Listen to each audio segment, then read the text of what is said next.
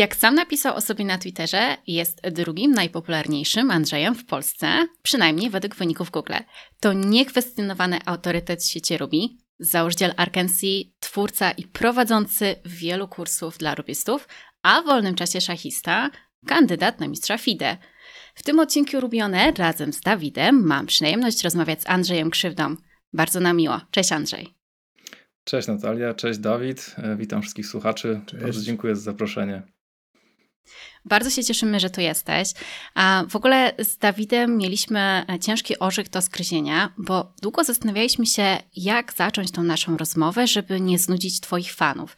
No bo historia Twojego początków, Twojej kariery a, jako rubisty a, i potem początków z Arkansas, e, no dzieliłeś się już nią na, na YouTubie, e, pewnie też na swoim podcaście na Spotify. Ale w sumie doszliśmy do wniosku, że trudno jest zacząć jakby rozmowę bez e, przejścia przynajmniej przez te kilka początkowych etapów, e, tak w skrócie. No bo z tego co wiemy, zacząłeś tą swoją karierę, przygodę z programowaniem jeszcze w 1999, a i te wczesne lata 2000 to czasy, gdy środowisko Ruby było tak małe, no, że praktycznie wszyscy programiści znali się z imienia i nazwiska, i tutaj tak mówię to z przymrużeniem oka. Mm, ale naturalne było, że software house'y z tej właśnie rubiowej niszy e, bardzo blisko siebie współpracowały. Mm, no i z tego, co ty nam wspomniałeś dziś przy okazji, jak również nasz e, CEO a mm, COO, przepraszam, Widget e, oraz CTO Grzegorz wspomnieli, mm, w tych połowie tak lat 2000 nasze ścieżki już się przecięły. Nasze tutaj mam na myśli Arkansas i Ragnarsson. Może opowiesz nam trochę o tych, o tych czasach, o tych początkach? Faktycznie w roku, nie wiem, 2000, ja już tam miałem jakieś pierwsze mignięcia Ruby za sobą, to wtedy nawet nie wiem, czy kogoś z Polski znalazłem w sieci Rubiego. Natomiast jak już tak się zająłem Ruby, kiedy się pojawiły Railsy tak bardziej na poważnie w 2004 roku, to pamiętam, że na IRCU e, Ruby on Rails na kanale przeszukiwałem ludzi, kto tam ma, kto widnieje jakby z Polski, kto ma tą domenkę mhm. polską. Mm. I być może wtedy się właśnie poznałem z Łukaszem czyli założycielem Ragnarsona, ale nie jestem też tego pewien w pełni. Na pewno wtedy poznałem Pawła Kądziora, który już wtedy też coś robił w Ruby i też w jakimś momencie też nawet był częścią w Arkansas i był jeszcze Jarek Zabieło, który nawet blogował trochę o Ruby. Także wydaje mi się, że myśmy byli kilkoma takimi osobami, które przynajmniej bardziej publicznie pokazywały to, że, że coś robią z Ruby. Ja już na początku 2005 roku w styczniu miałem jakąś tam pierwszą prezentację, pamiętam, dla studentów w Krakowie na Studenckim Festiwalu Informatycznym, gdzie już um, lansowałem te Railsy. E, także no faktycznie na początku wszyscy się znali. E, firmowo, jeśli chodzi o taką komercjalizację, myślę, że tutaj e, Ragnarsson był chyba pionierem jako firma. Łukasz chyba był pierwszą osobą, która zaczęła wykorzystywać tą siłę Ruby on Rails do tego, aby szybko tworzyć projekty.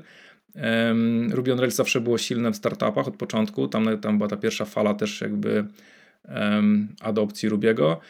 I pamiętam, że w 2007 roku, czyli już jednak parę lat minęło, to, to już mhm. siedzieliśmy na przykład na konferencji Rupaj w Poznaniu. To była taka konferencja, która łączyła Rubiego i Pythona razem, bo z osobna te, te języki wydawały się zbyt małe, więc jakby taka wtedy była percepcja.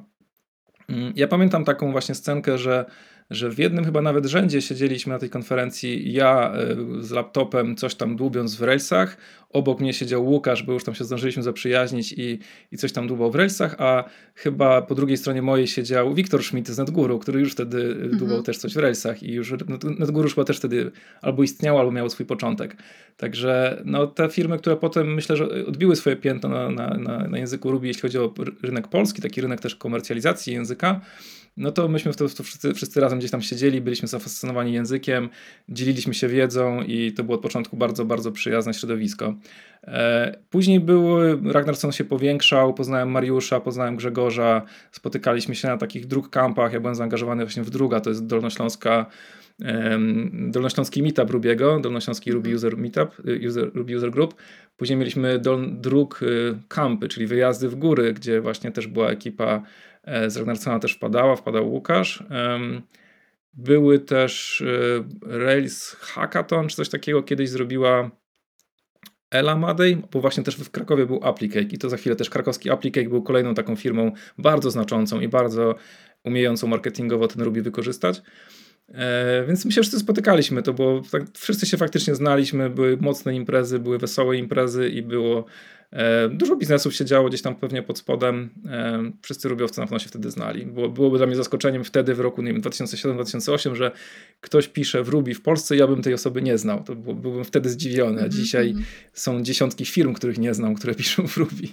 Także fajny kawałek historii faktycznie wtedy się zaczął, a teraz mamy e, szansę to śledzić. Więc nie brzmi niesamowicie. Te, te początki Ruby w Polsce zawsze mnie, zawsze mnie fascynowały. Czyli Ruby tak naprawdę e, powstawał, pojawił się w Polsce, w, e, kiedy wy zaczęliście, tak? Wy, wy komercjalizowaliście ten język, e, jakby to powiedzieć, w Polsce, na scenie polskiej. I gdzie w tym miejscu, jakby, jak w tym, w tym czasie rozwijała się Twoja kariera? Od czego zaczynałeś? Czy od razu pojawił się pomysł na założenie e, Arkansas, czy na początku dewelopowałeś w jakimś innym e, układzie? Jak to wyglądało? E, w 2004 roku ja poznałem Ruby on Rails, w 2005 roku i wtedy byłem w korporacji w Siemensie wrocławskim, który wtedy się rozkręcał oddział wrocławski, byłem tam w miarę jednym z pierwszych ludzi. Więc ja wylądowałem w środowisku korporacyjnym wtedy akurat. Wcześniej byłem w ogóle fanem Java i bardziej, ale to było śmieszne, fanem Java, właśnie siedziałem w małej firmie, a poszedłem później do korporacji i w korporacji miałem inne rzeczy robić, ale się okazało właśnie, że, że umiałem jakoś tam się gdzieś zakręcić odpowiednio, że wylądowałem przy dosyć ważnym projekcie wewnętrznym dla Siemensa, który miał być robiony tam w C-Sharpie bodajże, czy, w czy po prostu w Microsoftowych technologiach. Był cały zespół już gotowy na to, była analiza wymagań. Jak ja na to spojrzałem, to zobaczyłem, że to jest taki typowy krót na krudzie, te nawet, nawet widoki po prostu były takie typowe, krudowe. I, I, pomyślałem, kurczę, przecież to wszystko w rejsach mogę, można zrobić. Jakby po co tam zespół sześciu osób, nie? Zrobimy to, jeszcze wciąż miałem chyba syndrom studenta, nie? Zrobimy to w weekend. I, I wtedy zrobiłem, no tą historię już wielokrotnie też opowiadałem, że zrobiłem meeting wszystkich menadżerów zaangażowanych w to, po prostu chciałem przepchnąć ideę, że zrobimy to w Railsach. No i na, powiedzmy, na podczas meetingu po prostu zacząłem live kodować w Railsach, zrobiłem to, co DHA czy zwykle tam robi na swoich tam mm, wideach. E, no i wydewelopowałem chyba najbardziej kluczowe, tam nie wiem, 30% aplikacji po prostu w godzinę tego meetingu, jednocześnie rozmawiając i tak starając się multitasko multitaskować, więc zrobiłem dobrą reklamę Railsom. E, no i właściwie zostawiłem ten management chyba bez szans na inną decyzję, więc poszło na Railsy i, e, i mieliśmy szansę zrobić pierwszą aplikację Railsową właśnie już w Siemensie w roku 2005, było udane wdrożenie i problemy były, bo tam w Railsy się ciężko deployowało wtedy, więc trochę wokół tego były schody. Też wtedy pojechałem, w ogóle już byłem, już byłem wtedy zafascynowany DHH-em, więc w roku 2005, chyba w maju, pojechałem z kumplem E, do Danii na konferencję JAU, która była JAWową konferencją, ale tam występował DHH i występował do pustej sali, wyobraźcie sobie, po prostu nikt go nie chciał słuchać, bo on wtedy był nieznany, relsy tam gdzieś źle się chyba jeszcze się nie kojarzyły, więc myśmy z Pawłem, z moim kumplem e, i z DHH-em spędzili cały wieczór pijąc sobie piwka i gadając, nie? I pamiętam, że DHH jeszcze mi zaproponował opiekę nad pewną częścią Active Recorda, żebym ja się tam zajmował i jakby to maintainował, ale się tak nie czułem na siłach wtedy, więc odmówiłem, ale no super, super sprawa. E, ja potem tej korporacji długo nie wytrzymałem, jednak korporacyjne światy nie są do końca dla mnie, więc ja szukałem zmiany, szukałem railsowej firmy, szukałem, jeszcze wtedy nie były mi w głowie jakieś tam biznesy. I pamiętam, że się rozglądałem, co tu zrobić, a wtedy był ten moment takiej fali, że moje pokolenie wyjeżdżało wtedy do Wyspy Brytyjskie i, i to było bardzo, bardzo typowe, żeby, żeby szukać tam szczęścia.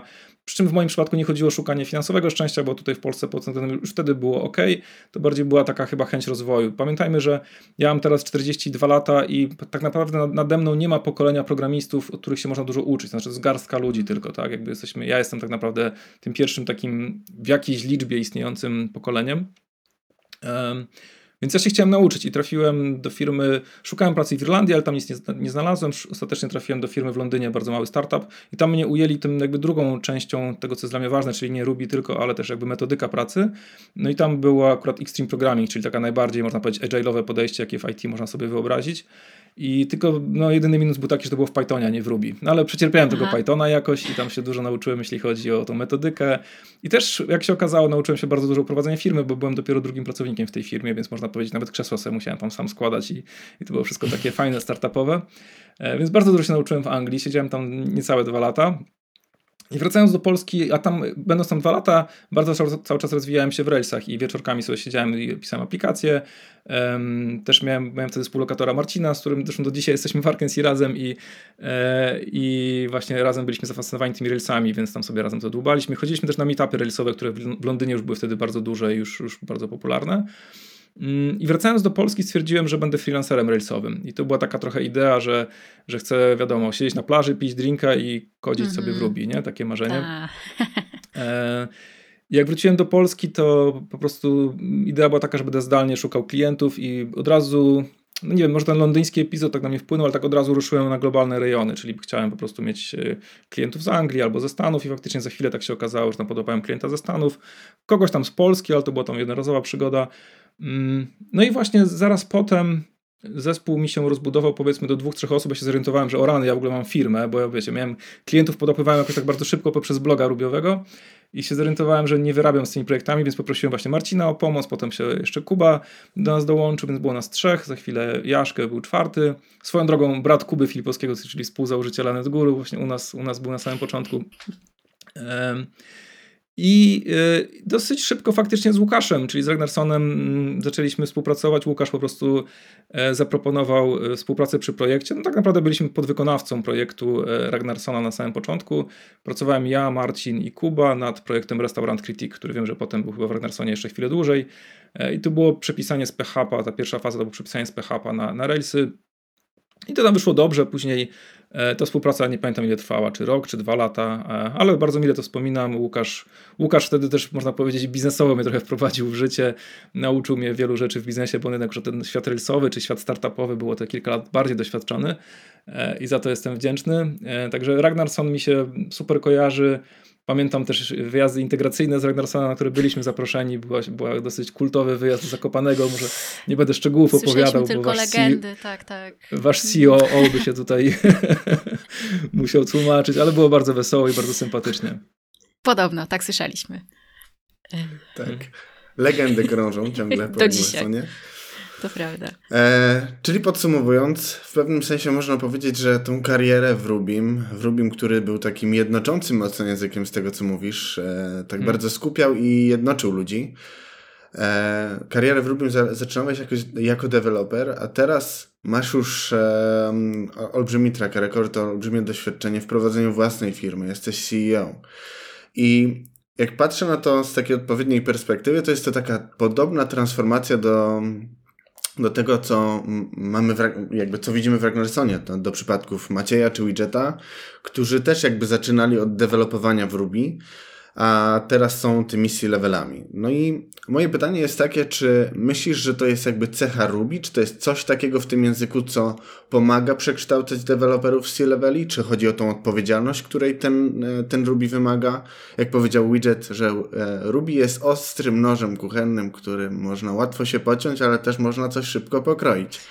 Więc może, może to ta odpowiedzialność jest tutaj tym, e, tym e, czynnikiem kształtującym. Jak myślisz, e, z czego to wynika? Jest, jest coś takiego w, tej, w tym języku? Zdecydowanie Ruby jest tutaj ważnym czynnikiem i on wpływa na to, że osoby, które robią w Ruby po prostu niesamowicie zbliżają się do biznesu, bo z wielu powodów i nie tylko Ruby, ale też nawet że dzięki Ruby powstały Railsy. Railsy jako pewien framework, który mega przyspiesza tworzenie aplikacji, no bardzo nas zbliża do biznesu. Możemy jako programiści dosłownie w jeden wieczór klepnąć MVP jakiegoś projektu, który za chwilę dostanie dofinansowanie i za chwilę się wokół tego dzieje duże zamieszanie, więc naprawdę w Ruby da się bardzo dużo.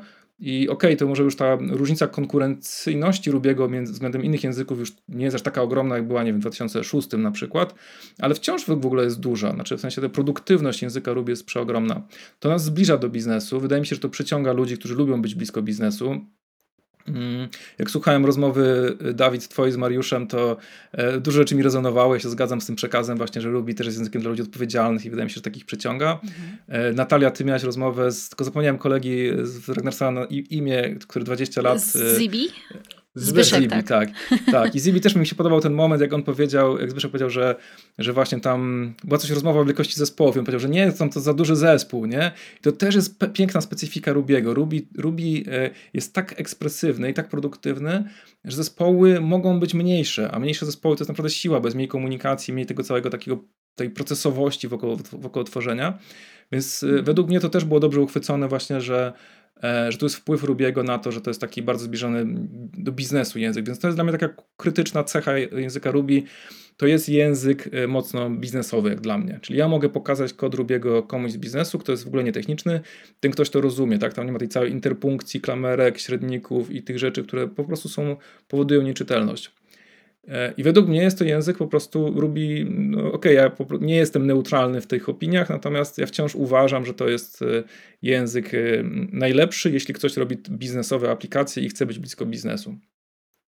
I dążymy do wtedy małych zespołów, ale bardzo zwinnych, bardzo produktywnych. Jest to wbudowane w język i wbudowane w społeczność, czyli społeczność Rubiego narzuca pewnego rodzaju sposób myślenia, tworzy pewną kulturę e, odpowiednią i jest to taka kultura właśnie produktywności, kultura efektywności, takiego też po prostu, nie wiem, jakiejś radości tworzenia. Jest tym nawet element, powiedziałbym, jakiego, jakiejś artystyczności w tym wszystkim. Okej. Okay. To brzmi zupełnie, e, zupełnie ciekawiej niż takie standardowe, powiedziałbym, języki programowania, powiedzmy inne niż te nasze, tak? Arkensi mhm. i, i Ragnarsona, ale ba bardzo ciekawy jest ten opis, który, który nam tutaj zaserwowałeś. Podoba mi się, dziękuję. Tak.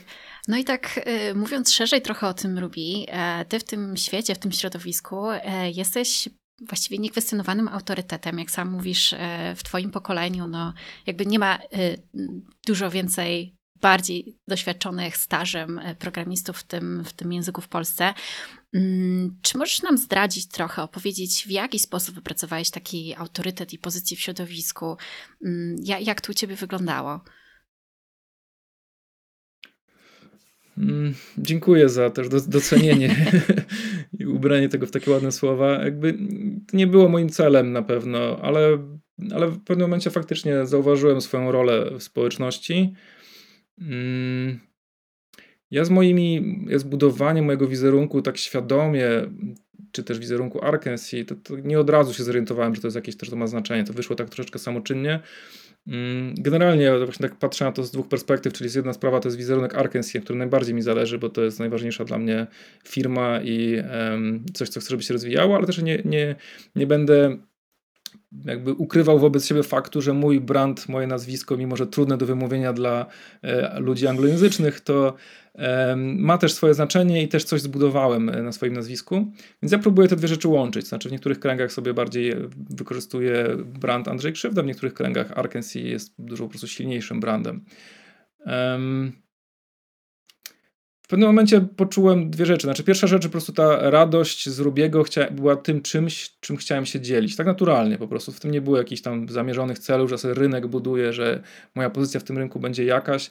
Mm, moje pierwsze blogowanie w ogóle, bo to mnie tak troszeczkę wybiło w jakichś tam kręgach, to było po prostu blogowanie o tym, co codziennie robię w języku Ruby. Czyli dzisiaj wygenerowałem nową aplikację rysową, dzisiaj ją zdeployowałem. Natknąłem się na taki problem, tak to rozwiązałem. Jest jakby ktoś chciał zerknął w archiwa bloga Andrzej on Software, to od 2000 tam nie wiem, 5 roku blogowałem dosyć regularnie, praktycznie dosyć szczegółowo każdy dzień. No i to, to spowodowało, że część ludzi zaczęła zaglądać na mojego bloga, też ten blog, można powiedzieć, nie miał aż tak dużej konkurencji wtedy, więc łatwo się było wybić w jakiejś tam społeczności Rubiego. No i wszystko było w języku angielskim, więc ja wtedy już zbudowałem sobie jakiś tam fundament języka angielskiego. Też z takich ciekawostek, tak jak powiedziałem, że wtedy z Wiktorem Schmidtem i z Łukaszem siedzieliśmy w jednej ławce na konferencji.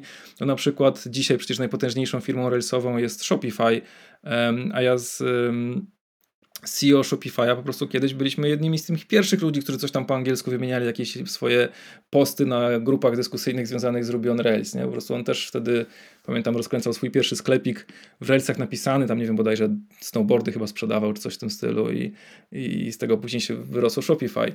E, więc fajnie to było obserwować, że, że, że tam się można było wśród znaczących nazwisk wtedy obracać, chociaż wtedy totalnie nie było do przewidzenia, kto tam gdzieś coś mhm. osiągnie.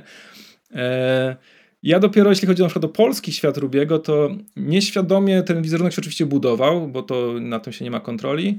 E, pewnie na różne sposoby, to znaczy ja byłem zaangażowany w działalność druga, czyli tej naszej właśnie rubiowych meetupów we Wrocławiu, które były chyba w swoim czasie były bardzo aktywne, bardzo, być może najaktywniejsze w Polsce. Potem przeszliśmy na organizację konferencji Wrocław RB, to też było dosyć mhm. aktywna działalność, która też bardzo fajnie integrowała całe środowisko. Starałem się bywać na wszystkich y, meetupach rubiowych w Polsce, jakie gdzieś tam albo dostałem zaproszenia, albo mogłem wpaść, albo miałem przy okazji. Mm, a tak naprawdę, jeśli chodzi o mój przekaz w języku polskim, w ogóle to, to zaczęło się dwa lata temu na Instagramie i to był trochę spontan. Znaczy, nie planowałem tego za bardzo, a na Instagramie teraz mnie chyba ludzie kojarzą z tego Rubiego i, i staram się ewangelizować język Rubi nie tylko wśród rubiowców, ale też poza, bo jakby jedna sprawa to być w kręgach rubiowych, które no wciąż nie są jakieś tam ogromne przecież, być rozpoznawalne, natomiast druga sprawa, na tym, na tym mi bardziej zależy. Ja chcę być, jeśli ktoś mnie uważa za autorytet, to super, ale chcę, żeby wiedział, że ten autorytet to jest związany z Rubi. Ja chcę, żeby ludziom się to kojarzyło. Jeśli ja jestem pozytywnie kojarzony, to żeby Rubi się pozytywnie kojarzył, więc to jest pewnego rodzaju już trochę świadome. E, więc staram się to wykorzystywać e, na plus. I cieszę się, bo teraz też już widać takie pokolenie, już tak mogę mówić z mojej perspektywy takiego dziadka w IT, że jest takie pokolenie młodych ludzi, którzy też promują język grubiego. Ja bardzo kibicuję, wspieram wszystkich, staram się pomagać i, i, to, i fajne rzeczy się dzieją. Znaczy mam wrażenie, że Ruby ma zdecydowanie drugą młodość teraz i jest jakby taka nowa fala e, programistów i programistek, którzy dołączają. Wciąż jest ta taka atrakcyjność łatwego języka, łatwego środowiska na wejście, bardzo przyjaznego więc no, trzeba z tego korzystać.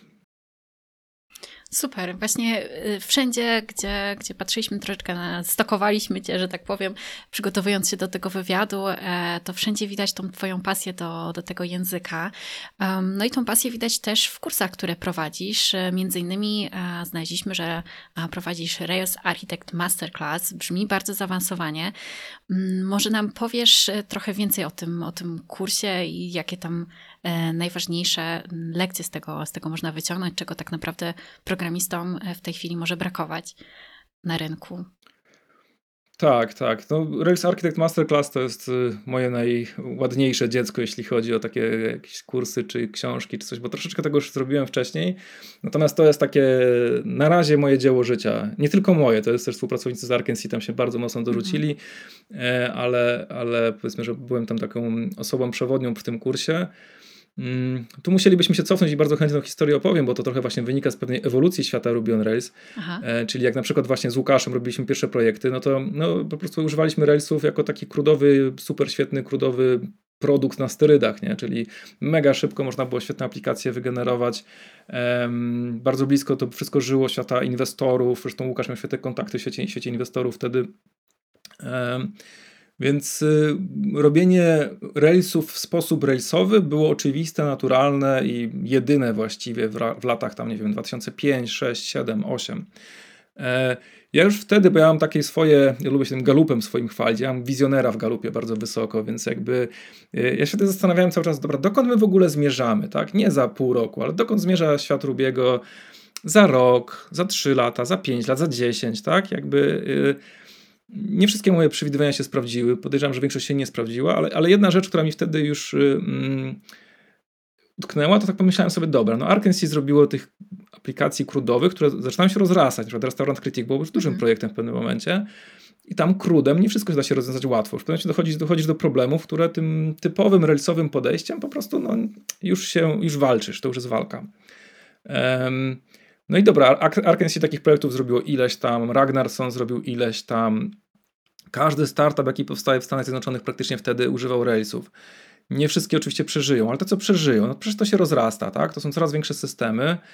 Um, więc ja to spojrzałem z dwóch perspektyw. Jedna jest taka, że ja wiedziałem, że Arkansas, czy tak jak Ragnar, na przykład, że byliśmy firmami, które właśnie konkurowały, nie wiem, z Javowcami, PHP-owcami, dotnetowcami i wygrywaliśmy w tej konkurencji ostatecznie, bo byliśmy po prostu w całym rozrachunku najszybsi i najtańsi. Ale e, w jakimś momencie mm, konkurowanie na robienie tych takich pierwszych wersji aplikacji Railsowych, to już było konkurowanie jednak z kolejnym pokoleniem Railsowców, którzy wchodzili, którzy byli, nie wiem, może mieli więcej energii.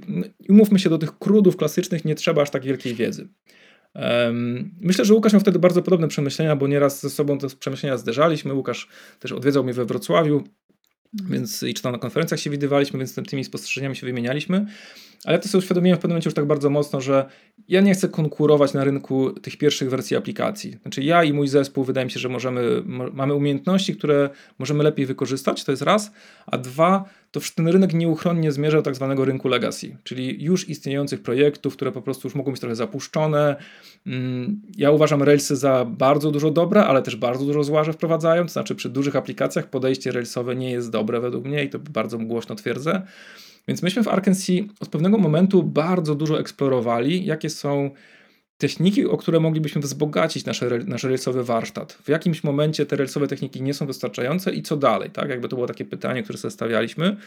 I to chyba też było jakimś wyróżnikiem Arkansas Zresztą w Ragnarsonie też to było zauważalne, że myśmy eksplorowali dużo. E, pamiętam też, że było dużo eksplorowania innych języków, na przykład właśnie Łukasz to w ogóle miał fascynację, pamiętam tymi innymi językami, on tam nawet, pamiętam jak mnie zarażał językiem Jokke bodajże, E, więc też było dużo patrzenia, ojej, to skoro relsy tak szybko wystrzeliły, bo był język Ruby, to może za chwilę trzeba się szybko przesiąść na coś innego. Też mhm. wtedy było takie myślenie.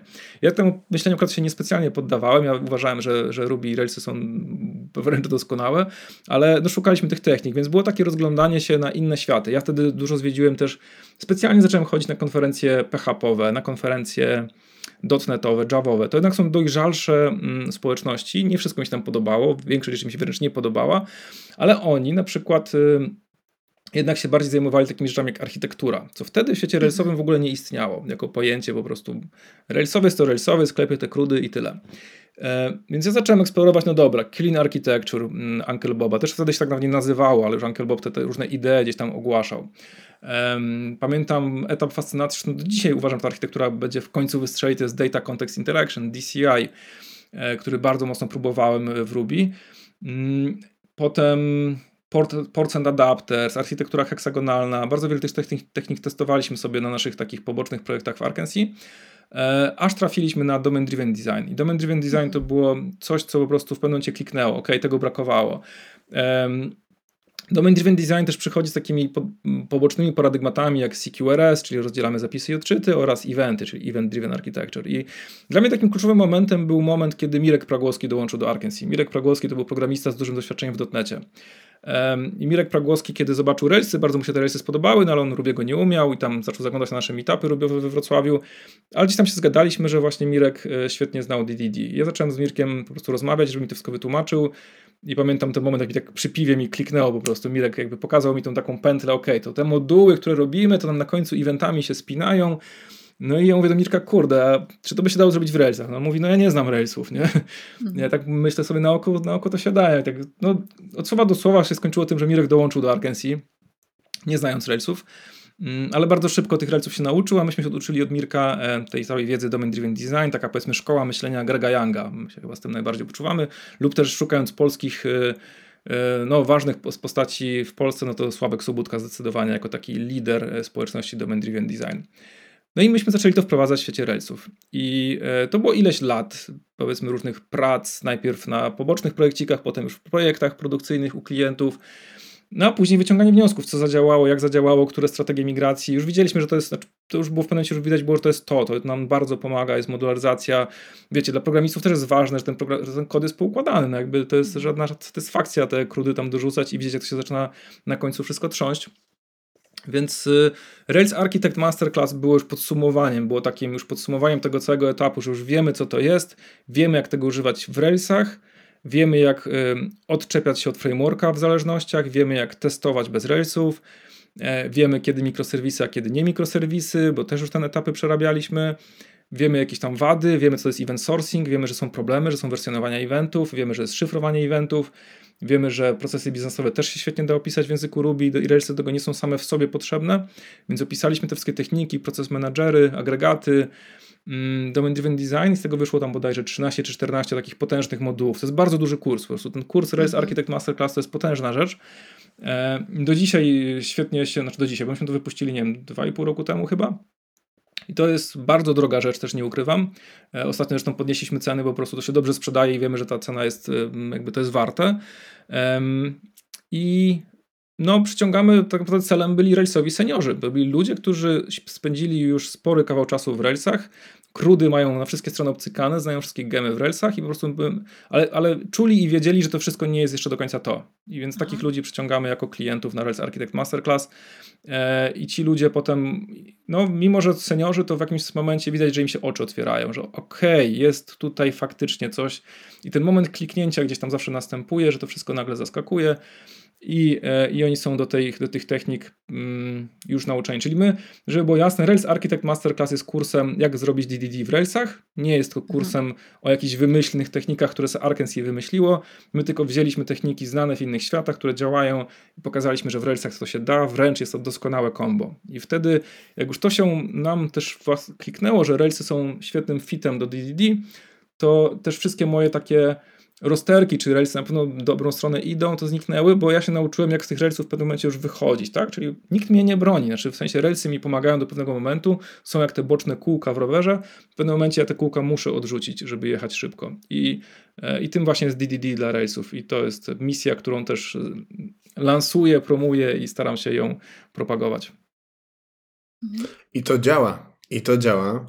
E, tu taką małą historię przytoczę. E, jak zamarzyło nam się, żeby porozmawiać z Tobą, Andrzej, pewnego dnia, e, pomyśleliśmy, że chcemy podnieść sobie, że tak powiem, poprzeczkę, e, porozmawiać z kimś, kto tak naprawdę e, jest, no powiedziałbym, ojcem. Nie, nie szedłbym tutaj w dziadka, myślę, że ojcem e, Railsów w Polsce.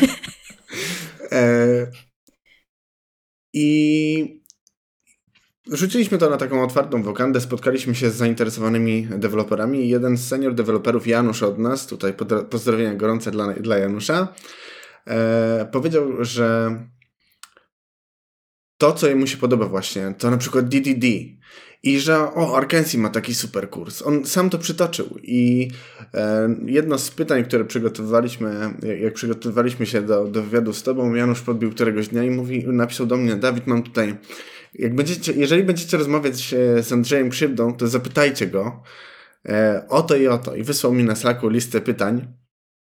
I my wzięliśmy te pytania pod, e, pod uwagę, żeby, żeby je z Tobą przedyskutować, ale mówię to dlatego, że jakby doszliśmy do tego momentu, dlatego że zapytaliśmy na początku o to, jak, jak budowałeś ten swój autorytet w świecie, a teraz rozmawiamy o tym, jakby jak, co, co, pokazuje Twoje doświadczenie przez lata i ewidentnie te dwie rzeczy pięknie się zazębiają. I to jak Ty mówisz o Rubim, e, powiedziałbym z jaką pasją albo nawet nie wiem, miłością, tak bym powiedział, jak ciepło wypowiadasz się o tym języku, że on daje tyle radości i chcesz się nią dzielić, e, to ewidentnie widać i to ewidentnie rezonuje ze wszystkimi ludźmi, do których kierujecie ten, ten kurs. I to jakbym mówię, to jest z naszego podwórka, wiesz, to nie było wymuszone, bo myśmy wtedy dopiero marzyli o tym, żeby kiedyś e, móc z sobą porozmawiać, a wtedy już, e, już wyszła e, taka inicjatywa ze strony naszych deweloperów. To taki tylko mały e, pokłon w waszą stronę, że naprawdę to działa.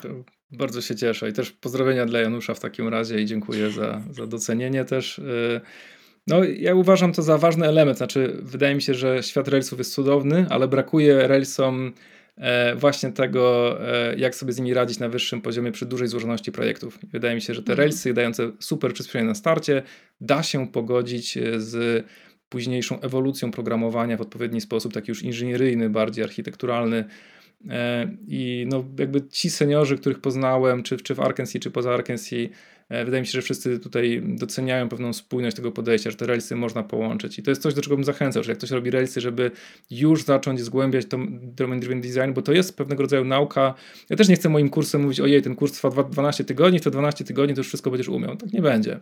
To jest pewnego rodzaju proces myślowy, który musi się przerobić w głowie, aż coś kliknie e, i wdrażanie tego w swoich projektach też tam po jakimś czasie zejdzie. Więc ja nawet szacuję pełen proces nauczenia się całego domain driven design, CQRS-a, event sourcingu to jest jakieś 3-4 lata tak naprawdę.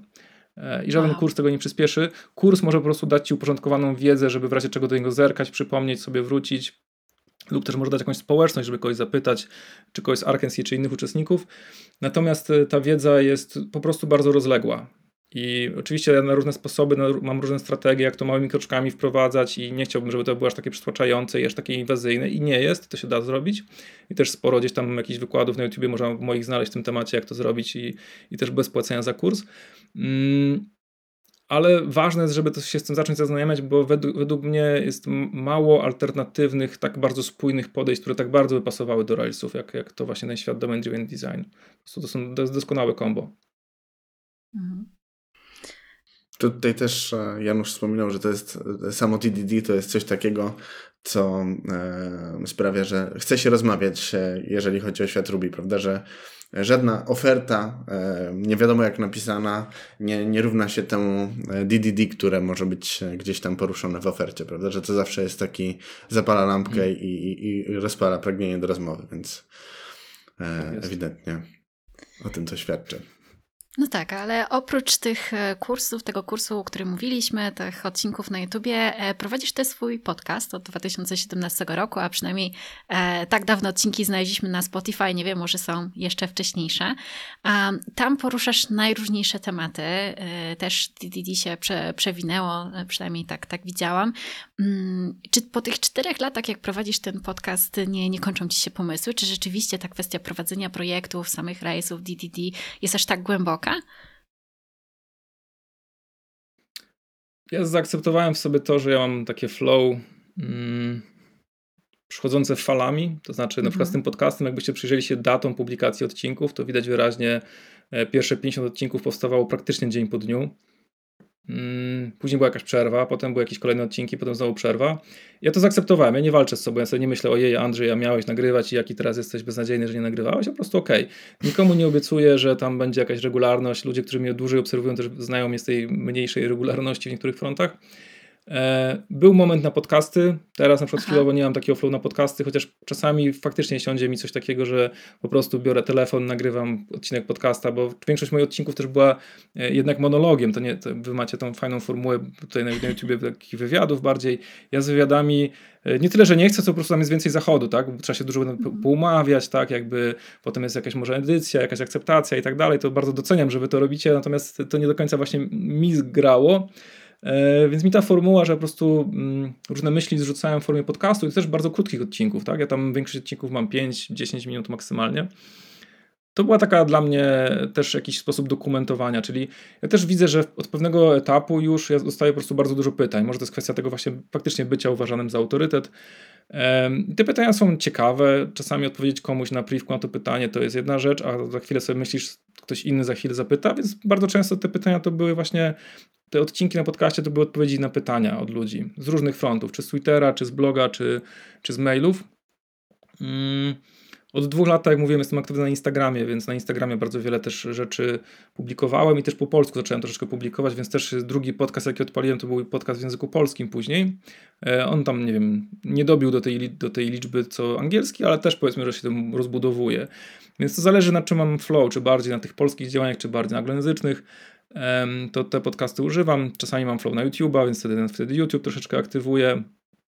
E, więc jakby bardziej korzystam z tego, gdzie mam flow. E, ta systematyczność jest troszkę mniej, mniej istotna. Czy tematy mi się gdzieś tam nie wyczerpują? No jakby te tematy ja widzę, że wracają. To jest tak, że też do ludzi, ja już też się nauczyłem, że to nie jest tak, że nagrasz jeden odcinek o, o na przykład co to są agregaty i jak wyglądają w Railsach, tylko tych odcinków trzeba jakby, to trzeba powtarzać. Tą wiedzę, tą wiedzę trzeba mhm. ludziom, tak naprawdę ludzie się muszą odbić od pewnej idei ileś razy. Jak ktoś bardzo dokładnie studiuje każde moje słowo, to, to zauważy pewną powtarzalność. Tego się nie da uniknąć, będąc edukatorem czy ewangelizatorem. To jest wręcz trudna praca powtarzania się bardzo często, nie? I ja to zaakceptowałem, jakby tą rolę biorę na siebie i okej, okay, jakby pewne rzeczy chcę, chcę wytłumaczyć, też ja można powiedzieć testuję różne narracje, czyli ok, wytłumaczyć DDD w Railsach na ten sposób, a za chwilę komuś innemu na ten sposób, a potem nagram odcinek i tak jakby troszeczkę obserwuję, ok, co trafiło, tak. Też bardzo często na konferencjach występowałem, na konferencjach też to bardzo łatwo widać, kiedy gubisz ludzi uwagę, bo już wyciągają telefony i już tam mhm. skupiają swoją uwagę gdzieś indziej, to też testowałem te swoje narracje na różne sposoby, żeby właśnie była najbardziej atrakcyjna, krótka, chwytliwa, ale też osobom, które wolą bardziej szczegółowe i bardziej takie konkretniejsze rzeczy, to też dla nich nagrywałem, nie wiem, czy na YouTubie, czy, czy w formie blog postów, czy w formie książek, czy w formie kursów jakieś konkretne tematy. Nie wiem, na przykład kurs anty-iwków, czyli pewnego rodzaju moja krytyka podejścia, żeby ifek na iwku pisać w kodzie, co niestety jest często zauważalne, no to była, zaczęła się od tego, że miałem dać odpowiedź komuś na pytanie, jak Iwka zastąpić czymś tam, a skończyło się mhm. dosyć dużym kursem, który też się nieźle sprzedawał i sprzedaje cały czas. I służy ludziom nawet nie tylko w Rubim. I to też ciekawe, e, wielu nierubiowców kupuje mój kurs antyiwkowy, który jest napisany w Ruby, dzięki czemu mam wrażenie, że ja lansuję Ruby w ten sposób. Nie? Więc e, zresztą mhm. też Rails Architect Masterclass też e, jest kupowany przez Pythonowców, Javowców, PHPowców, mniej niż w mniejszej skali niż Rubiowców, ale, ale jest i wyciągają z tego wartość. No właśnie, to tutaj takie małe pytanie do tego. Bazując na tym, na Twoim wieloletnim doświadczeniu i na tym, że jakby masz bezpośrednio kontakt z deweloperami właśnie jako edukator, że oni wiedzą, że Ty jesteś e, tym człowiekiem, który praktycznie zna wszystkie odpowiedzi, tak? Można powiedzieć. Czego Twoim zdaniem najbardziej potrzebują programiści? Jakiej wiedzy brakuje programistom na rynku albo ogólnie na rynku? Z jakimi przypadkami spotykasz się najczęściej? No, to jest temat rzeka, prawda? Bo tutaj tych tematów, tych jakby aspektów y, jest wiele. Nie chciałbym mówić, że czegoś brakuje, bo musimy zacząć od tego, że rynek rekrutacyjny, rynek pracy jest po prostu mega dobry, tak? Nie oszukujmy się, to jest po prostu coś cudownego, co się teraz dzieje na rynku programistycznym. Z tej perspektywy programista nic nie musi, nie ma żadnych braków, bo i tak znajdzie świetną pracę za doskonałe pieniądze, gdzie będzie czuł jakiś tam rozwój, nawet jakby go specjalnie nie chciał robić. Więc z tej perspektywy nie chciałbym mówić, że komuś coś tam może brakować. Natomiast jakby w mojej ocenie, przez taki pryzmat moich wartości, mój, mój świat wartości programistycznych, to oczywiście widzę braki, widzę braki um, na poziomie technicznym. Ja widzę ten problem, że na przykład bardzo wielu programistów uważa, programistek, programistów uważają, że mają za mało czasu na refaktoryzację. Nie? I w tym się, mhm. mm, to jest jakieś marzenie wielu programistów, że dajcie nam trochę więcej czasu, my ten kod uporządkujemy. I teraz nawet w tym bardzo krótkim spostrzeżeniu, które bardzo wielu programistów e, tak, tak, to, tak to jakby prezentuje, to tu jest kilka już zauważam takich, można powiedzieć, problemików. Jeden problemik jest taki, że że bardzo wielu programistom brakuje też na poziomie takich miękkich kompetencji, brakuje asertywności, brakuje pewnego rodzaju pokazania, że wiedzą, co robią, że panują nad sytuacją, mm, przejęcia może inicjatywy, wzięcia odpowiedzialności za projekt, tak w sensie nie, że jakimś tam formalnym, tylko tak po prostu takie, takie przejęcie, mm, pokazanie klientowi, że kontrolujemy tutaj wszystko, tak? Bo bardzo wielu programistów z jakiegoś powodu to też jest dla mnie wyróżnikiem w Arkansas, bo tak Arkansas chce prowadzić, aby klienci nasi akceptowali naszą rolę jako pewnego rodzaju naszą rolę przewodnią, e, jeśli chodzi o techniczne fragmenty. A bardzo wielu programistów y, jednak ma taką rolę że pyta się biznesu co chwilę o coś, nie?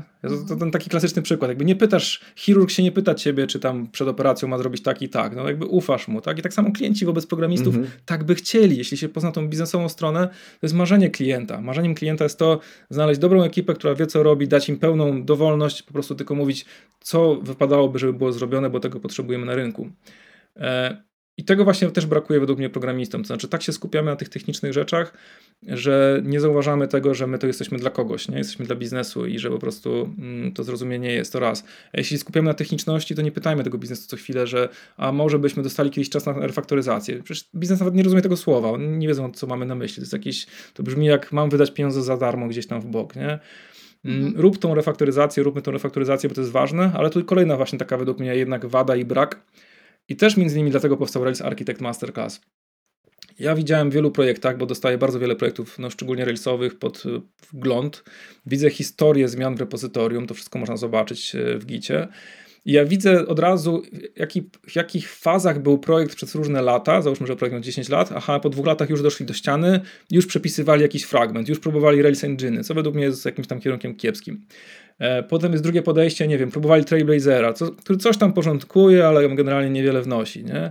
Wszystkie są oczywiście podejścia próbowane, nigdy niedokończone. Widać, że ktoś dostał miesiąc czasu na spróbowanie czegoś, tak już zostało, nie przekonał innej części ekipy.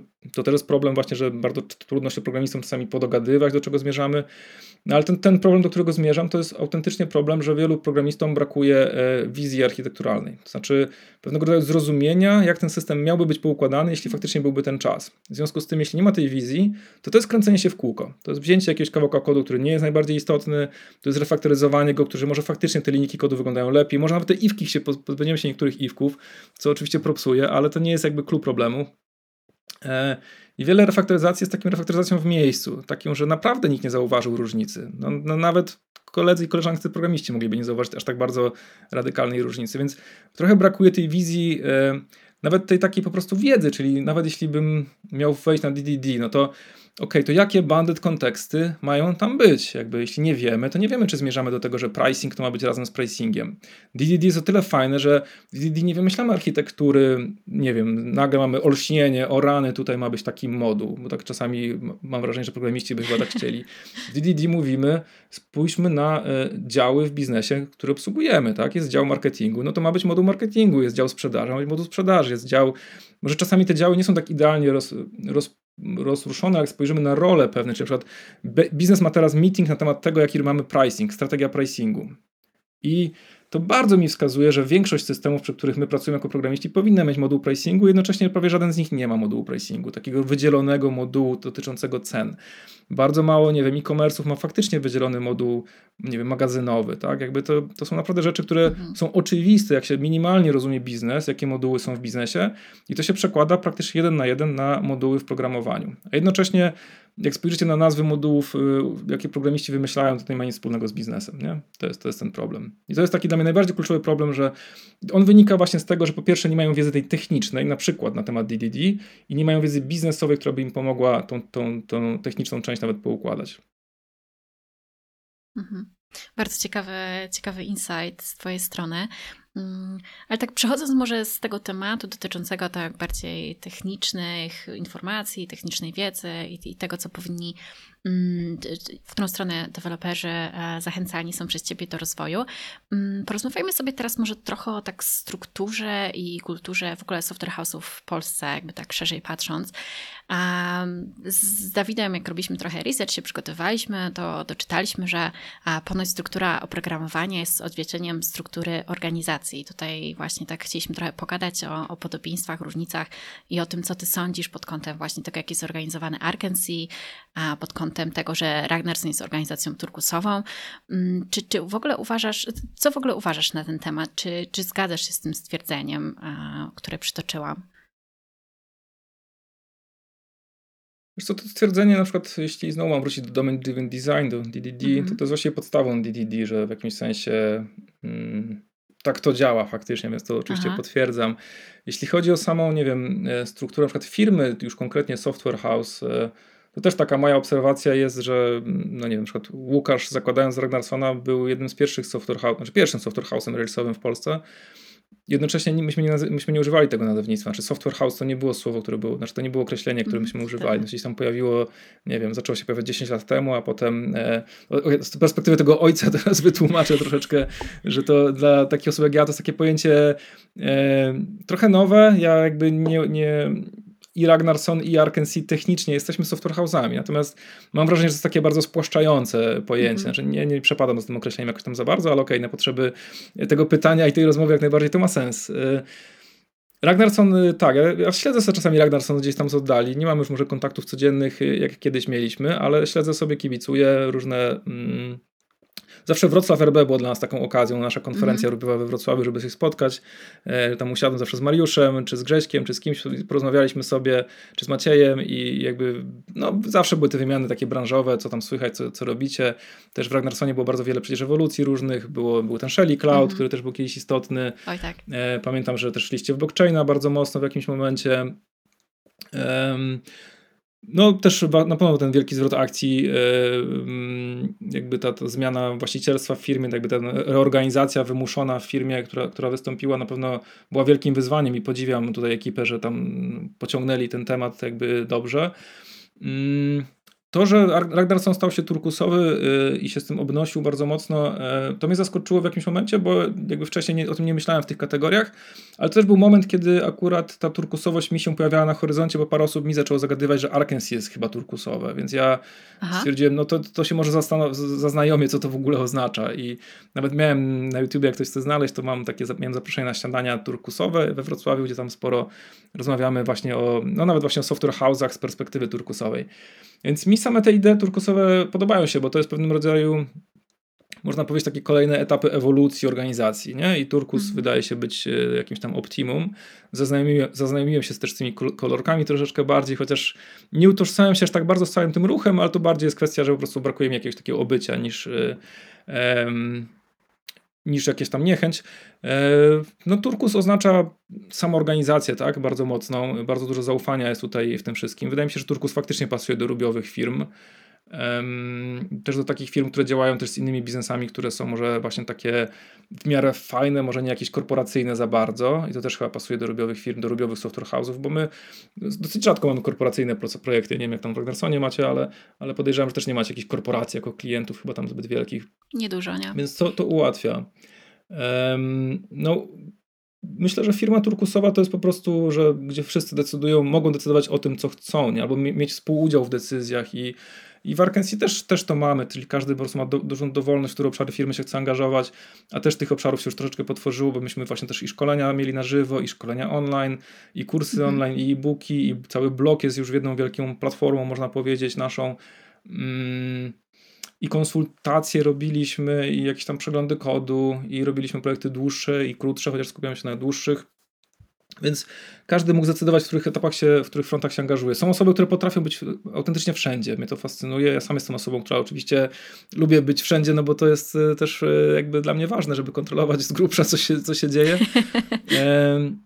U nas też jednak my jesteśmy chyba mniejszą firmą niż, e, niż Ragnarsson. Nie wiem, ile Ragnarsson ma teraz, ile Ragnarsson ma teraz osób, ale my pewnie 43. jesteśmy dużo, dużo mniejsi. 43, no, to my, jesteśmy, sprawdzałam. to my jesteśmy gdzieś tam w skali między, wiesz, do 15 maksymalnie Aha. dobijamy, więc to jest mniejsza skala.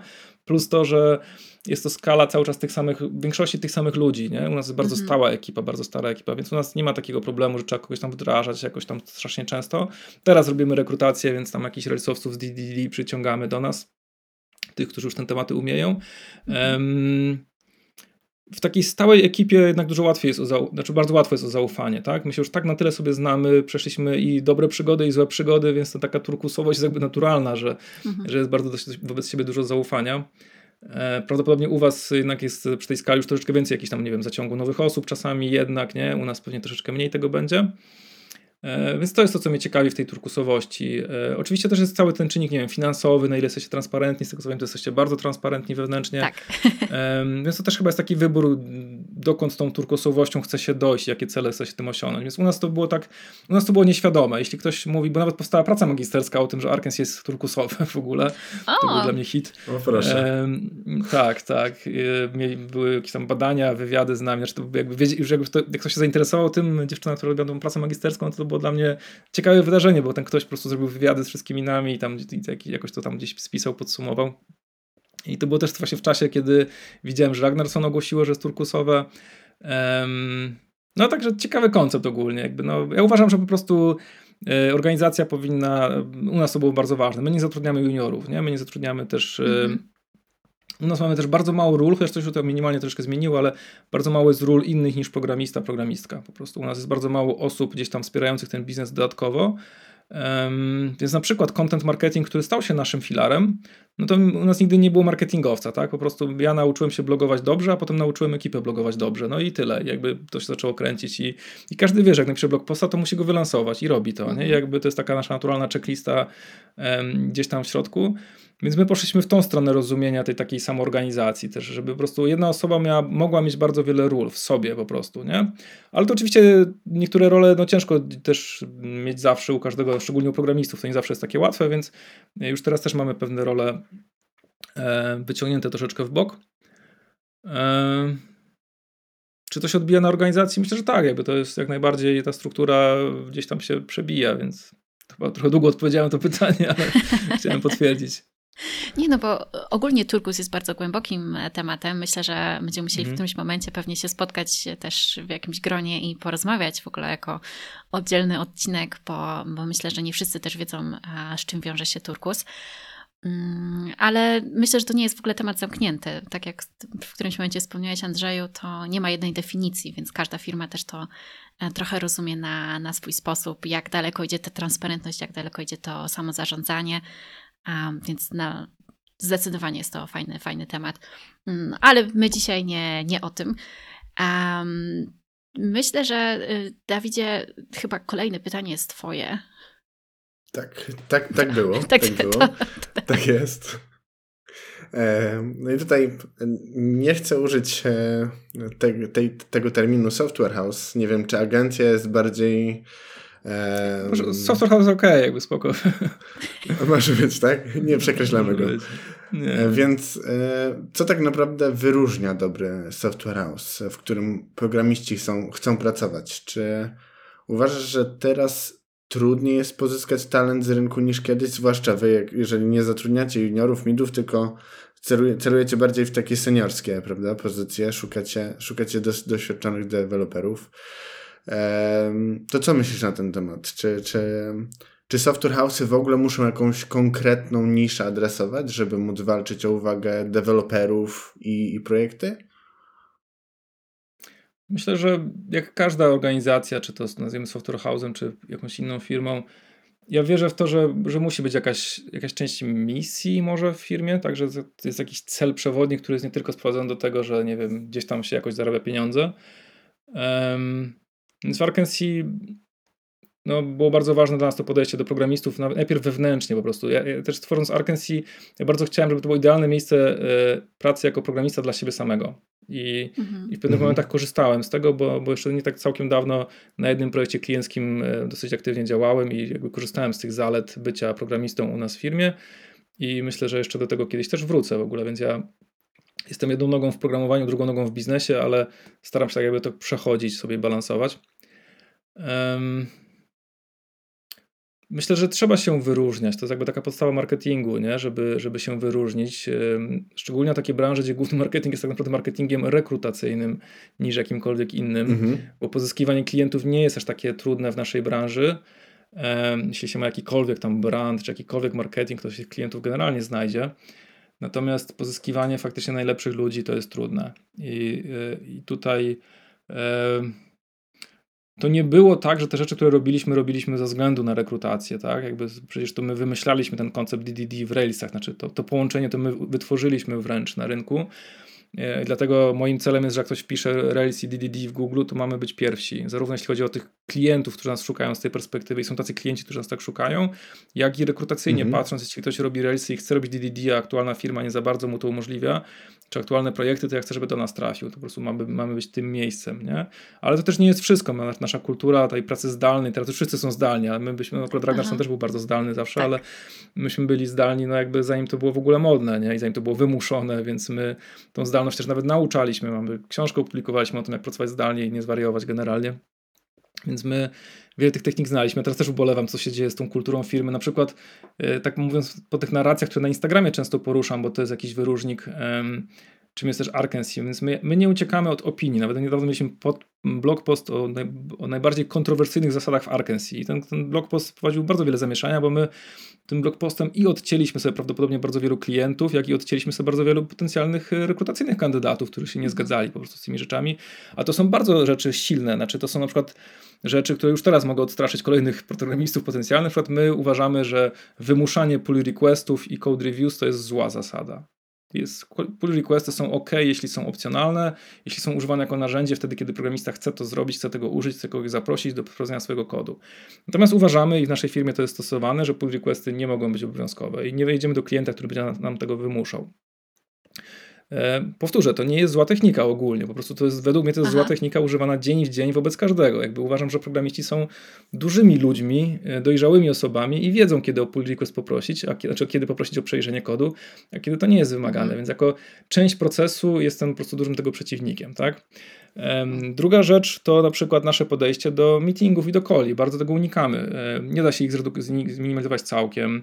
To nie jest tak, że w ogóle ze sobą nie gadamy. To jest bardziej tak, że po prostu gadamy wtedy, kiedy jest potrzeba. To bardzo często ta potrzeba jest taka bardziej ad hoc, czyli programista nagle zauważa, że po prostu jest jakiś problem, którego sam nie jest w stanie rozwiązać, więc może na Slacku zapytać, czy ktoś by mu pomógł. I jest szansa, i praktycznie zawsze to się dzieje, że ktoś mu pomaga, więc to tej komunikacji u nas jest bardzo dużo takiej ad hoc, a jednocześnie my chcemy dać, no programista po prostu musi mieć, to jest strasznie deep work, to jest tak wymaga koncentracji ta praca mhm. przy dużych projektach w szczególności, że to jest tak głęboka praca, to władowanie tego kontekstu, to jest tak trudne samo w sobie, że jeszcze dorzucając poszatkowany dzień meetingami, różnymi kolami, które nie wszystkie dotyczą problemu, który dany programista ma w tym momencie do rozwiązania. Po prostu my, to, dla mnie to jest w ogóle niezrozumiałe, co w tych niektórych firmach się dzieje, jeśli chodzi o skalę meetingów. To nie mówię o tym, że ktoś tam ma dwa czy trzy meetingi w tygodniu, to jest, to jest jeszcze ok. Natomiast ja mówię o tym, bo to na Instagramie ludzie wklejają swoje screeny ze swojego kalendarza. Po prostu mają po trzy, cztery meetingi dziennie. Nie? I ja się pytam, kiedy oni mają programować, kiedy oni mają napisać fajny kodzik, a jeszcze do tego ich zmuszamy do, właśnie zmuszamy ich do przeglądania czyjegoś kodziku i do tego, żeby udostępnić swój kodzik komuś innemu, potem reagować na te uwagi. To nie jest złe samo w sobie. Zawsze dyskusja jest ok. Natomiast to powoduje, że po prostu dowożenie feature'ów, no sorry, no po prostu to wszystko się dzieje dużo, dużo wolniej, nie? I, i, dla mnie to jest zaskakujące, że płacimy ogromne pieniądze programistom. Ja sam oczywiście jestem fanem tego, że te stawki idą w górę, bo po prostu cały rynek na tym zyskuje ale jednocześnie potem słyszę o tych firmach, które kompletnie ten czas marnują, tak? I jakby no, nie, mogę, nie mogę nad tym przejść do porządku dziennego, więc ja to głoszę jako po prostu coś, co według mnie nie jest dobre. E, I na przykład pull requesty, to też moja, może moja rola takiego właśnie dziadka czy ojca w, tym, w tej branży, to jest taka, żeby, że chcę przypomnieć, że tego nie było dalej niż 5 lat temu po prostu. To jest w miarę świeża rzecz i żyliśmy i dowoziliśmy feature'y i wszystko było ok, nie?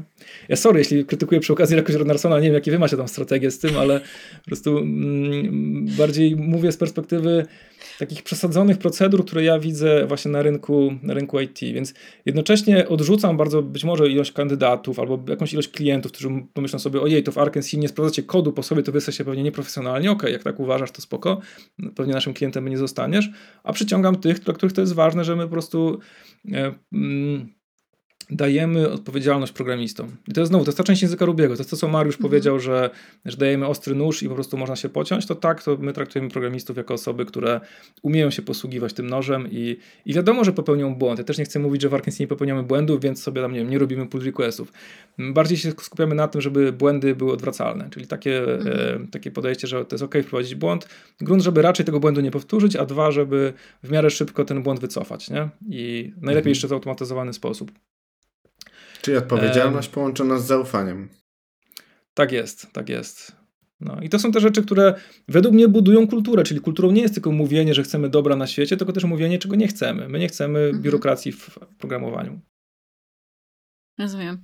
Jeżeli chodzi o PR-ki w projektach, y, to nie wiem, czy wszędzie u nas jest tak samo, ale raczej z tego, co słyszałam, deweloperzy u nas tego nie porzucili, ale ciekawy, ciekawy mhm. koncept. Ale jakby tutaj chciałam taki follow-up question. W jaki sposób w takim razie ta, ta samodzielność, to pisanie blogów łączy się z tym e, deep work i z byciem bardzo produktywnym w pracy? Czy tutaj nie ma jakiegoś takiego konfliktu, jeżeli chodzi o organizację sobie tego czasu, żeby z jednej strony e, właśnie angażować się w content, a z drugiej strony e, móc się skupić na programowaniu? To jest dobre pytanie, bo to pewnie u każdej osób u nas w Arkansas inaczej wygląda też jakby ta mhm. systematyczność w blogowaniu różnie się nas przejawiała w różnych momentach czasu. Mm, na pewno jest bardzo duże przyzwolenie i zachęcenie do blogowania. To jest, wydaje mi się, taki ważny sygnał, że, że można powiedzieć, że to jest jakiś, może nie, że oczekiwane, ale bardzo zachęcane jest, żeby blogować, bo bo to też wynika z tego, że możemy być, mamy luksus bycia małą firmą i na przykład nie zatrudniania zbyt wielu osób nie będących programistami, właśnie dlatego, że programiści mogą niektóre role wziąć. Jeśli programiści pewnych ról nie wezmą na siebie, to po prostu skończy się tym, że będą te role musiały być wy, wyciągnięte w bok i w jakimś sensie, nie wiem, zaburzy to taką naturalny nasz flow. Myślę, że jeśli ktoś się nauczy szybko, ja właśnie znowu, ja mam tą swoją książkę o szybkim blogowaniu. I po prostu gdzie ja pokazuję, jak, są, jak szybko blogować jako programista. I po prostu jeśli ktoś ma ten flow, że e, spędził 8 godzin dzisiaj coś tam dłubiąc, a w praktyce pewnie spędził 4 godziny tam jakoś produktywnie pracując, Aha. no to jak znajdzie te kolejne 10-15 minut, żeby sobie przejrzeć swoje commit message z dnia dzisiejszego, zobaczyć co się nauczył.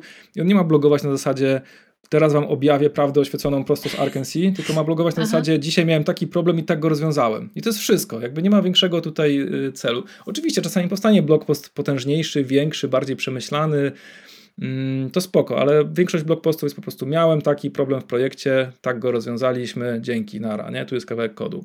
I, i to jest większość rzeczy. I to się, takie blog posty pomogą powstać yy, ok, jak ktoś dawno nie blogował, to zamiast tam, zanim tam się rozkręci, to zajmie mu to godzinkę, ale za chwilę, jak już jest rozkręcony, to to są naprawdę 15 minut blog post gotowy, publikowany. U nas też nie ma procesu żadnego review tego blog, blog posta, po prostu ktoś sobie wrzuca, leci i, i tyle, nie? A że Arkansas mhm. blog jest w miarę wypromowany w różnych miejscach, no to te zasięgi się właściwie same budują, bardzo często wpadamy na Ruby Weekly, na ten, nasz, na ten newsletter, jak już coś blogniemy, więc e, no, bardzo duża część już tego procesu blogowania jest później praktycznie za darmo, bo ta promocja już sama się dzieje często. Okej, okay, czyli blogowanie w małych częściach, jakby tak, y, częściej, tak. ale mniejsze.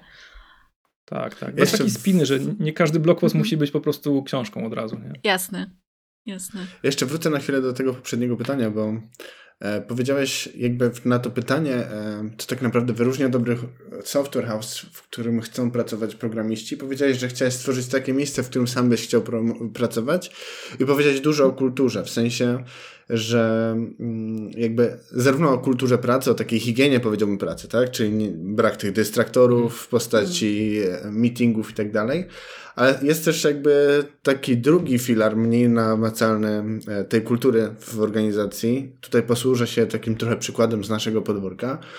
E, na przykład u nas no, po, poza tymi wartościami, tak, które my mamy jako core values, czyli zaangażowanie, odpowiedzialność, to, że jesteśmy transparentni, etc., to też staramy się wprowadzać w firmie taką, mm, jakby to powiedzieć, atmosferę e, mocnej otwartości, przyjazną, taką e, wspierającą i budować Ragnarsona jako takie miejsce, w którym po prostu dobrze jest być. Mimo tego, że siedzisz tak naprawdę u siebie w mieszkaniu, e, w kapciach, szlafroku czy jakkolwiek, albo jak głoszą memy, ubrane tylko od pasa w górę, na, jaki, na jakiś call, to chcemy budować Ragnarsson w taki sposób, żeby po prostu to było dobre miejsce do pracy. Właśnie w, nie tylko e, pod kątem takiej higieny, jak i takiego po prostu fajnego miejsca pełnego super ludzi i super inicjatywami. Mamy na przykład jakieś takie inicjatywy wewnętrzne, jak e, dzielimy się reviewsami książek, mamy e,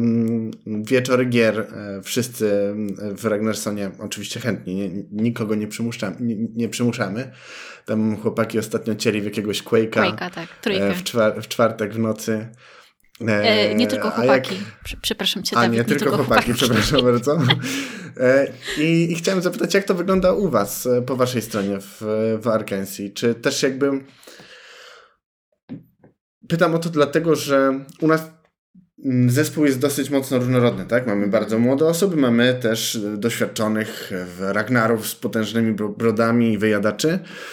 E, jak to wygląda u Was? Jak macie samych seniorów, jeżeli chodzi oczywiście o doświadczenie w technologii, e, nie o wiek, e, to jak to, jak to ogarniacie sobie tą, tą, tę stronę taką integracyjną? Myślę, że bardzo wiele rzeczy się dzieje tak naturalnie, tak jak u Was, to, to pewnie wiele rzeczy spontanicznie powstało, bo parę osób zaczęło zauważyć, że coś wspólnie lubią, nie? Ja gram w szachy, mhm. ktoś tam też gra w szachy, więc o tych szachach pogadamy. Nie wiem, ja się śmieję, że u nas najbardziej, yy, yy, najbardziej yy, intensywny kanał, który nie jest kanałem o IT na Slacku, w sensie rozmów, to jest mm -hmm. kanał podatki, nie? Dyskusja o podatkach i, i, i bieżących zmianach, to po prostu tak. to jest naj, naj, najbardziej intensywny. Tak, tak, na czasie, ale to właśnie u nas to zawsze gdzieś tam był jakimś tematem rozmów. Ale my mamy strasznie dużo kanałów na Slacku i te kanały na Slacki reprezentują różne rzeczy, które się dzieją czasami aktywnie, na przykład faktycznie u nas chyba takie kółko motoryzacyjne, do którego ja nie należę, bo ja nie jestem wielkim tam fanem samochodów czy motoryzacji, ale e, tam czasami jest duża aktywność na kanale takim dotyczącym, nie wiem, wyścigów samochodowych czy czegoś takiego. Mm. E, więc wiele rzeczy się po prostu pojawiło naturalnie. Też był moment, kiedy my nawet mieliśmy w ogóle właśnie z takiej oddolnej inicjatywy zajęcia, czyli pewna część ekipy i to znowu beze mnie, ja nie brałem w tym udziału. E, okazało się, że wszyscy grają w cywilizację piątkę bodajże. I oni odkryli ten tryb gry w cywilizacji piątkę, gdzie jest asynchroniczność, czyli że rób ruch tam w dowolnej porze, ale się umówili, że tam maksimum chyba dobę się czeka. E, I myśmy nawet w pewnym momencie jako Arkansas mieli usługę, że my e, umiemy skonfigurować serwer cywilizacji w taki sposób asynchroniczny i zgłaszały się do nas firmy, żebyśmy im ustawili to, e, bo, bo to nie było takie oczywiste, jak taki serwer postawić. Nie? I te, ta gra w cywilizację była przez jakiś czas dosyć intensywna, więc ogólnie przed gry komputerowe to jest na pewno temat, gdzie, gdzie są dyskusje, są nie wiem, jakieś tam bieżące filmy, książki faktycznie. U nas jest też tak, że my każdy, każda osoba ma swój własny kanał, na przykład ja mam kanał Andrzej po prostu, każdy tam może być, ale nie musi jak nie chce gdzie po prostu jest takie wrzucanie, taki miks, trochę rzeczy. Znaczy, generalnie ja się staram wrzucać bardziej takie zawodowe rzeczy, ale, ale nie wiem, mówię, że jadę na turniej szachowy do Polanicy i nie wiem, może, może ktoś akurat tam jest przy okazji, to się spotkamy z ekipy, tak? Więc to jest jakaś tam e, jakaś tam rzecz. Natomiast takich bardziej, można powiedzieć, zorganizowanych e, integracji, no to mamy no oczywiście COVID trochę to zaburzył, ale mamy generalnie raz na rok zjazd z całymi rodzinami, to znaczy um, każdy, kto chce z całą rodziną swoją przyjechać, to umawiamy się, po prostu mamy hotel gdzieś tam wynajęty, czy jakiś pensjonat, czy jakąś agroturystykę i, i, robimy takiego kampa, Arkansas Campa raz na rok. E, oprócz tego potem powstała też inicjatywa, też oddolnie, bardzo fajnie, mi, mikrokampów, czyli e, wystarczy, że przynajmniej dwie osoby z Arkansas gdzieś sobie wymyślą, że razem coworkują, to, to mogą sobie wynająć domek, czy nie wiem, czy hotel i po prostu razem tam być i to jest uważane za jakiś taki firmowy mikrokamp wtedy. Poza tym, y, no też znowu COVID to zaburzył, ale no, na przykład mam takie kanały coworking, kreska i tu nazwa miasta, bo jesteśmy tam w kilku miastach jakoś tam aktywniejsi, no to jest na przykład coworking Wrocław, gdzie piszemy, że nie wiem, będę sobie pracował w Gnieździe, w takiej kawiarni we Wrocławiu, więc jak ktoś chce dołączyć, to zapraszam, nie? I, i wtedy są takie spontaniczne, e, spontaniczne spotkania, bo my w ogóle nie mieliśmy nigdy biura własnego, znaczy mieliśmy przez chwilę, ale to takie malutkie, e, więc u nas zawsze to było takie gdzieś rozproszone i tak działające. No poza tym meetupy rubiowe, czyli szczególnie, bo też jesteśmy jednak troszkę bardziej wrocławscy pewnie, więc wrocławskim meetup rubiowy gdzieś tam nas często jednoczy. Spora część z nas była zaangażowana w Wrocław RB, czyli tą konferencję rubiową, to też przy okazji podziękowania dla Ragnarsona za zawsze supportowanie tej, tej, tej idei i pomaganie nam w tym. E, więc też były takie sytuacje, kiedy po prostu mogliśmy się spotkać i pointegrować na żywo. I teraz też na przykład o, za kilka dni lecimy do Paryża do jednego klienta w, w cztery osoby i się wszyscy po prostu na żywo spotkamy, więc się oczywiście, że pointegrujemy. Um, no, a takich oddolnych, no, to tak mówiłem, z tych kanałów tematycznych to jest milion. Chyba każdy język programowania ma swój kanał też u nas, bo tam oczywiście są Haskellowcy, trufani, nie? I mimo, że Ruby, Ruby, to tam oczywiście każdy zerka gdzieś tam sobie, nie? Clojure, Haskell, nie wiem, jakieś tam różne bardziej egzotyczne języki najczęściej. Natomiast y, ja bym jedną rzecz zaznaczył. Wydaje mi się, że w takim gronie jak u nas jest akurat, to trzeba dobrze pilnować, żeby też nie było ambicji, że firma staje się jakimś takim miejscem na spędzanie czasu wolnego. Nie? Po prostu czas wolny to jest czas, czas poza firmą, każdy, e, każdy ma swoje życie, e, swoje nie wiem, rodziny, przyjaciół, bliskich i, i to warto też gdzieś tam nie próbować na to za bardzo nachodzić. Nie? Wiadomo, że my się bardzo lubimy, bardzo się szanujemy, ale gdzieś tam oczywiście mm, to nie jest tak, żeby tam jakiś, nie wiem, co wieczór spędzać czas w firmie i tak dalej, i tak dalej, ale to oczywiście tak, tak, tak rzadko kiedy jest gdziekolwiek. Druga rzecz, mm, bo tak y, to ująłeś, że firma to jest fajne miejsce, żeby być, to jest bardzo ważne, nie? ale u nas jest jednak bardzo, bardzo mocno przechylone, że fajnie być, fajnie razem y, rozwiązywać problemy, o tak bym powiedział, czyli u nas jest to zorientowany jednak na merytorykę, na pracę bardzo mocno, e, czyli mamy właściwie krążą, nie wiem, różne dylematy, jakie mamy architekturalne, czy techniczne wokół języka Ruby, czy Railsów, czy DDD, które są takimi właściwie ciągły, ciągle przesuwającymi się E, problemami do rozwiązania. I w jakimś sensie nawet ten wolny czas czasami wygląda tak, że, że ktoś tam mówi, kurczę, a zobaczcie jak tutaj w Pythonie rozwiązali to i to i może my byśmy mogli to do siebie przenieść, nie? Jakaś kropeczka się pojawiła. Więc mam wrażenie, że to jest taki aspekt, może naukowy to za mocno by zabrzmiało, ale jest taka pewna akademickość, czyli szukanie rozwiązań problemów, które są dosyć nowatorskie. A my, myślę, że my jako Arkansas bardzo mocno przesunęliśmy, dokąd Railsy mogą być używane i to DDD z mhm. Railsami, dokąd może być używane, że naprawdę mamy dosyć unikalne problemy. Ja się śmieję, że często rozwiązujemy jakieś doktoraty, by mogły powstać z tego, co w Arkansas się czasami dzieje, e, bo to są zaawansowane rzeczy po prostu, tak na poziomie inżynierii oprogramowania. Okej, okay. dziękuję. Bardzo wyczerpująco odpowiedziałeś na to pytanie. Podoba mi się, podoba mi się podejście. Tak, no work-life balance e, jakby jest tematem na topie od kilku, kilku lat, a od czasów pandemii to już w ogóle e, bardzo, bardzo duży temat. Wspomniałeś właśnie, Andrzeju, że e, wy jako Arkansas wypuściliście książkę o pracy zdalnej. E, potem, że jeszcze jakieś tam inne mieliście swoje takie większe trochę publikacje niż tylko blogi. Ile tak w sumie tych, tych książek? Bo ja już się chyba trochę pogubiłam. No właśnie, ja też mam problem z takimi odpowiedziami. Wydaje mi się, że 8 książek opublikowaliśmy. Wydaje mi się, że trzy kursy takie online. Aha. I mieliśmy swój program warsztatów i te warsztaty były też kiedyś nagrane, które były na żywo, więc to też nagranie to sprzedawaliśmy. Mieliśmy takie turniery, zrobiliśmy warsztaty z Railsów DDD właśnie w Lwowie, w, Londy w Londynie i w Berlinie. Mm. Tak, no jakby ta działalność edukacyjna u nas przybiera różne właśnie takie formaty, tak? I te e-booki były, znaczy zawsze na początku są blogposty. Potem mhm. patrzymy, że jakiś temat po prostu zaczyna być większy i możemy to pogrupować, rozbudować, lepiej opisać, ustrukturyzować, więc te e-booki mogą się pojawiać. Mm, no potem się okazało, że bardziej formuła online bardziej chwyta, w sensie kursów online, czyli pojawiło się jakieś wideo, albo nie wiem, kurs anti-IFków jest taką hybrydą kursu tekstowego i kursu wideo. Więc będziemy, podążamy troszkę za tym, jak rynek mówi, na przykład jeśli Aha. ludzie chcą kupować kursy, to będziemy robić kursy, bo po prostu bardziej nam zależy na sposobie dotarcia niż na tym, czy, czy bardziej e-book, czy coś. Ale faktycznie e-booków było, był ten etap, nie wiem, w 2011 albo 2012 pierwszego e-booka wypuściliśmy, to potem był taki etap, że tak, nie wiem, rocznie przynajmniej jedna książka była wydawana, nie? że ktoś miał drive'a, żeby to robić i to były różne, nie wiem, mieliśmy drive'a na Reacta na przykład, w świecie, w Railsów byliśmy jednymi z mhm. pierwszych, którzy używali Reacta, nie? I napisaliśmy tę książkę bardzo wcześnie i nasza książka React on Rails bodajże, czy jakoś, już nie pamiętam tego tytułu dokładnie, w każdym razie się mega mocno sprzedawała, nie? Po prostu Railsowcy w pewnym momencie zaadoptowali tego Reacta do dzisiaj, jest to mega, mega silne e, przywiązanie. Więc te różne tak. tematy po prostu opisywaliśmy, to, to, to, to, było bardziej dokumentowanie nasze niż wymyślanie jakichś tam rozwiązań. Tak? Async Remote, praca, książka o pracy zdalnej jest właściwie książką o Arkansas, tak? Jakby, I to jest książka, którą dajemy naszym kandydatom na rekrutacji lub mile widziany jest, że ktoś ma to przeczytane zgłaszając się do rekrutacji albo nasi klienci, to też są nasi klienci, właściwie my bierzemy klientów nie tak skądś, my bierzemy ich ze swoich e, odbiorców generalnie. My uderzamy do technicznych ludzi z naszym przekazem i nasi mhm. klienci to są najczęściej CTO, którzy nas wprowadzają do swojej firmy, albo senior programiści, którzy nas wprowadzają do swojej firmy gdzieś tam w Stanach, czy we Francji, czy w Anglii, czy w Danii.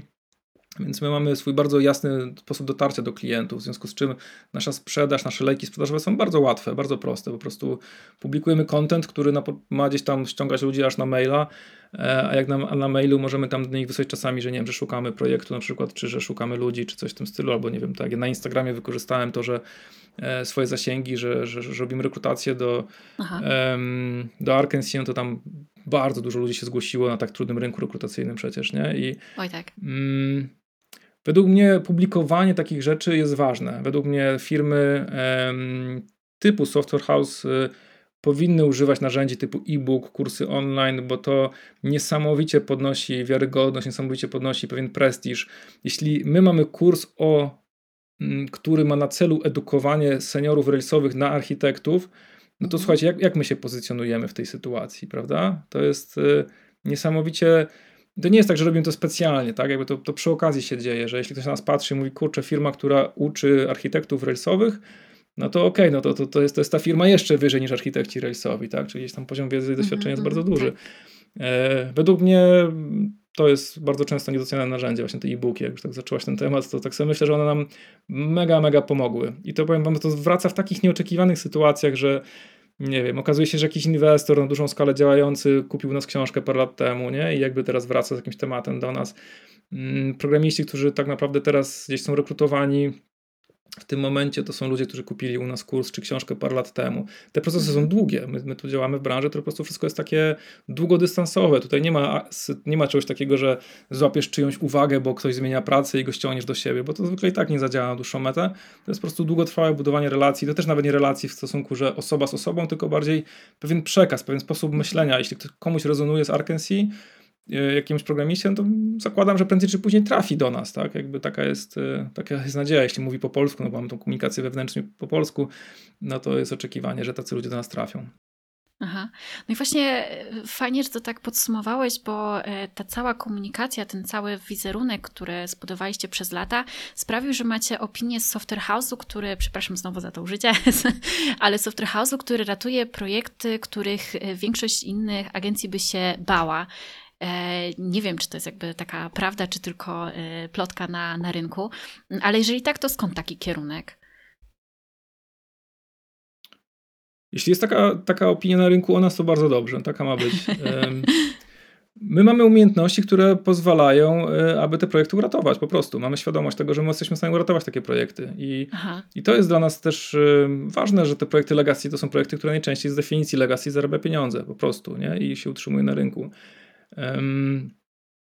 my podchodzimy z szacunkiem do tych projektów. To znaczy, my nie, nie krytykujemy tych ludzi za to, że tam coś wcześniej naklepali, ktoś tam doszedł do ściany. My wiemy, jak działa społeczność railsowa, my wiemy, że tutaj niestety, ale w tej społeczności railsowej też jest taki element troszeczkę iścia, pójścia za tłumem, tak? Że wszyscy robią te rails, railswayowe rzeczy, no to mm. ciężko winić kogoś, że robił railswaya, tak? Jakby, gdzie railswaya rozumiem przez te takie krudy typowe.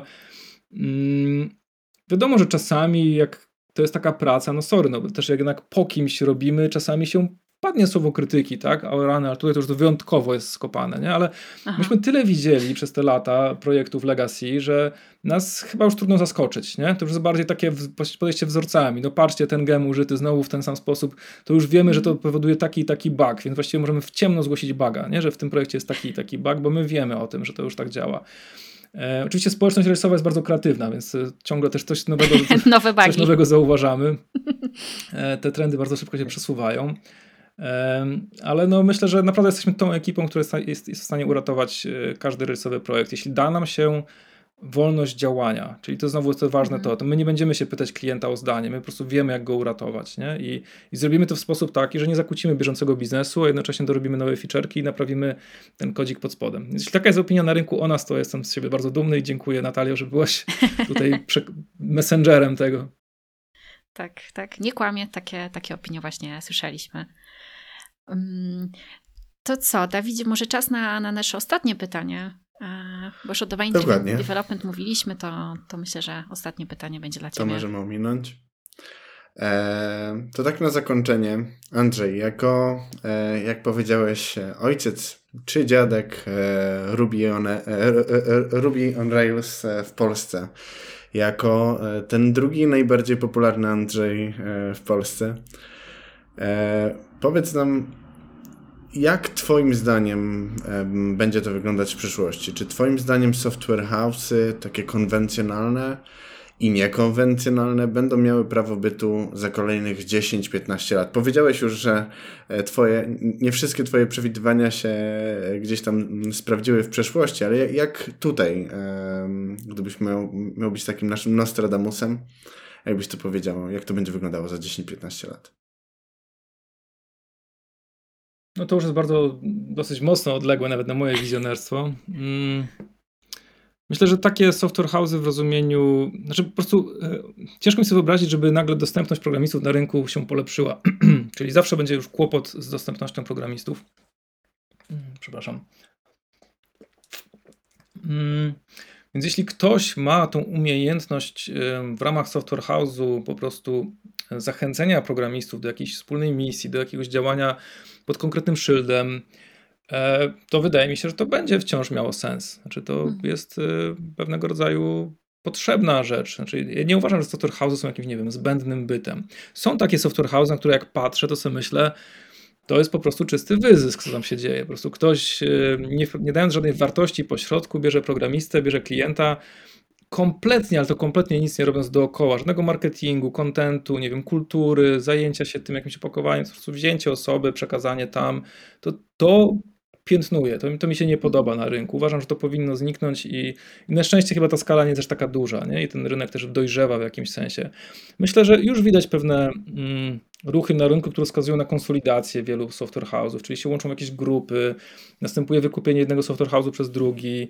Mm, no jakby na przykład na rynku relsowym, no przecież wszyscy widzimy, co się dzieje też z NetGuru, jak, jak, jak rośnie, tak? To jest po prostu wybór founderów NetGuru, Wiktora i Kuby Filipowskiego, że, że oni poszli wzięli te relsy jako punkt startowy i wyciągnęli to firmę na, nie wiem, na 900 osób teraz. No to jest fascynujący i olbrzymi, olbrzymi potencjał. Jakby to nie jest kierunek, w jakim ja chciałem iść, ale to nie zmienia faktu, że ja nie doceniam ich sukcesu biznesowego, prawda? Też mi się wydaje, że to, to jest fajna obserwacja, jak Ragnarsson, Arkansas i właśnie NetGuru na przykład, jako te firmy startowe. Albo na przykład weźmy jeszcze tą firmę z Warszawy, hmm, kurczę, zapomniałem nazwy, ale oni się sprzedali do Shopify'a ostatnio, ale też byli długo na rynku, mieli pewne swój, swoje znaczenie na rynku. To to fajnie pokazuje pewne różne rodzaje drogi, tak? Jakby, jakie, jakie, jakie te firmy podjęły. E, gdzie kończą, gdzie są ustaliły koniec, czy w ogóle jest jakiś koniec. Wy poszliście w taką maksymalną samoorganizację. Mamy ogromne poczucie misyjności znowu wokół tej takiej inżynierii, wokół DDD. No właśnie tam, tam ta inna firma e, też była bardzo silna za nas. Rebased? Rebase, tak, tak. No to pozdrawiam Rebase i tam oni też no weszli do Shopify'a jako tam, jako jednak znacząca, znacząca grupa. No też jakby, no to nie jest tak, że jakoś tam oceniam, to po prostu to była w jakimś sensie ich misja, gdzieś tam, tam, tam sobie dokończyli to, jakby jest jakiś smutek, bo jakiś rozdział jakiegoś brandu się kończy, E, ale na przykład też, nie wiem, NetGuru właśnie poszło w taką stronę, w której ja bym, ja bym osobiście nie poszedł, bo to nie jest moje flow budowanie takiej praktycznie korporacji, ale doceniam to, bo to wymagało wiele wysiłku i NetGuru bardzo dużo wiele włożyło w świecie, tak samo Rebase zresztą. E, mogliśmy mieć inne drogi, ale każdy z nas, i Ragnarson, i Rebase, i Arkens, i NetGuru, my wszyscy, a wcześniej na przykład Applicate, którego już też nie ma, e, wszyscy włożyliśmy bardzo dużo w ewangelizację Rubiego, tak? I my wszyscy się do tego dołożyliśmy na różne sposoby, do różnych może środowisk, ale wszyscy swoje zrobiliśmy i to jest według mnie takie dosyć piękne. Ale wracając do, okay, do tych software house'ów jeszcze tak bardziej konkretnie, uważam, że jak najbardziej będzie miejsce na rynku na tego typu byty, ale one muszą być konkretne, nie? Jakby to musi być coś za tym. Ciężko też mówić, dokąd będzie zmierzały ten, ten świat programowania. Um, jestem bardzo ciekawy, czy ten taki podział bardzo zaostrzający się backend, frontend, czy on będzie nadal się tak wyolbrzymiał, Mm, trzeba patrzeć na to też biznesowo, na przykład dlaczego backendowcy, frontendowcy tak się od siebie rozdzielają jednak, nie? że po prostu na frontend się mniej pieniędzy troszeczkę płaci częściej. No ciężko powiedzieć też jakby to, to co wy mieliście coś wspólnego, co z tym blockchainem, tak, na ile to tam gdzieś zamiesza tego, tego typu różnego rodzaju trendy, tak, właśnie nie wiem, ten cały klimat wokół blockchaina, NFT i tak dalej, to są chwilowym jakimś buzzwordem, czy to jest coś, co już zostanie z nami na dłużej, całe te podejścia no-code, low-code, właściwie Railsy są w jakimś sensie low-codem. Um, to jest ciekawie obserwować. Wydaje mi się, że jakaś formuła software house'ów będzie, natomiast podejrzewam, że ona będzie bardzo już inaczej wyglądała niż, niż teraz. Mm, ja nie wiem, czy Arkansas będzie w takim kształcie jak teraz, ale w sumie jak tak spojrzę 10 lat wstecz, to myślę, że nie zmieniliśmy się radykalnie. Nie? To nie jest tak, że tu się strasznie coś zmieniło. No Ruby jest tym samym Rubim. E, poszły parę wersji do przodu, jest, jest stabilniejszy, ma lepsze bariery, może Railsy też się gdzieś rozwinęły e, w ciekawą stronę programiści zawsze będą mieli, chcieli mieć ciekawe problemy do rozwiązania, więc będą szukali też miejsc, gdzie są ciekawe problemy do rozwiązania, więc jeśli jakaś firma e, typu software house jakby w jakimś sensie zaadresuje tą potrzebę, to, to, to będzie to miało sens. To jest bardzo ciekawe, co powiedziałeś o Rebase, bo planujemy też właśnie wywiad z Tomaszem Stachewiczem, founderem e, mhm. Rebased. E, też będziemy mniej więcej za, e, zahaczać o tę historię. E, bo tak jak powiedziałeś, to też jest jednak e, spory kawałek e, historii Rubiego w Polsce, prawda? Tak, tak. E, więc, więc to też, też bardzo ciekawe w ogóle, że tak to się pięknie tutaj nam zazębia. E, dziękujemy Ci bardzo. I tak jeszcze może na koniec takie małe pytanie, gdybyś miał doradzić coś wszystkim Ruby on Rails deweloperom w dwóch prostych zdaniach, jakieś dwie, dwie porady, jedno, dwie dla nich od Ciebie poprzez domain driven design uczcie się biznesu i będzie dobrze. Super. Idealnie.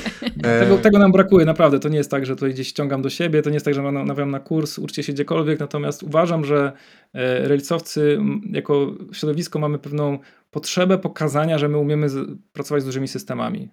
Według mnie jest ta potrzeba. I, i, i bo są stereotypy o te stereotypy nim się nie trzeba przejmować, ale my wewnątrz środowiska mamy pewną rzecz do jakby posprzątania u siebie i to jest umiejętność zajmowania się dużymi projektami. Ja bardzo marzę o tym, żeby nie tylko Arkansas miał opinię tego, tego zespołu, który umie ogarnąć duże projekty, tylko żeby było więcej takich zespołów.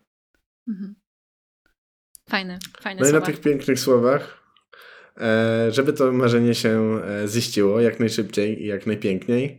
Bardzo dziękujemy Ci za e, poświęcony czas, bardzo dziękujemy Ci za rozmowę. A tym z Was, którzy dotrwaliście już do tego momentu, również bardzo dziękujemy i zachęcamy do subskrypcji naszego kanału i czekajcie na więcej. Dzięki Bardzo wielkie. Wam dziękuję za przygotowanie całej rozmowy. Było bardzo miło. Dzięki. Dzięki. Dzięki Andrzej.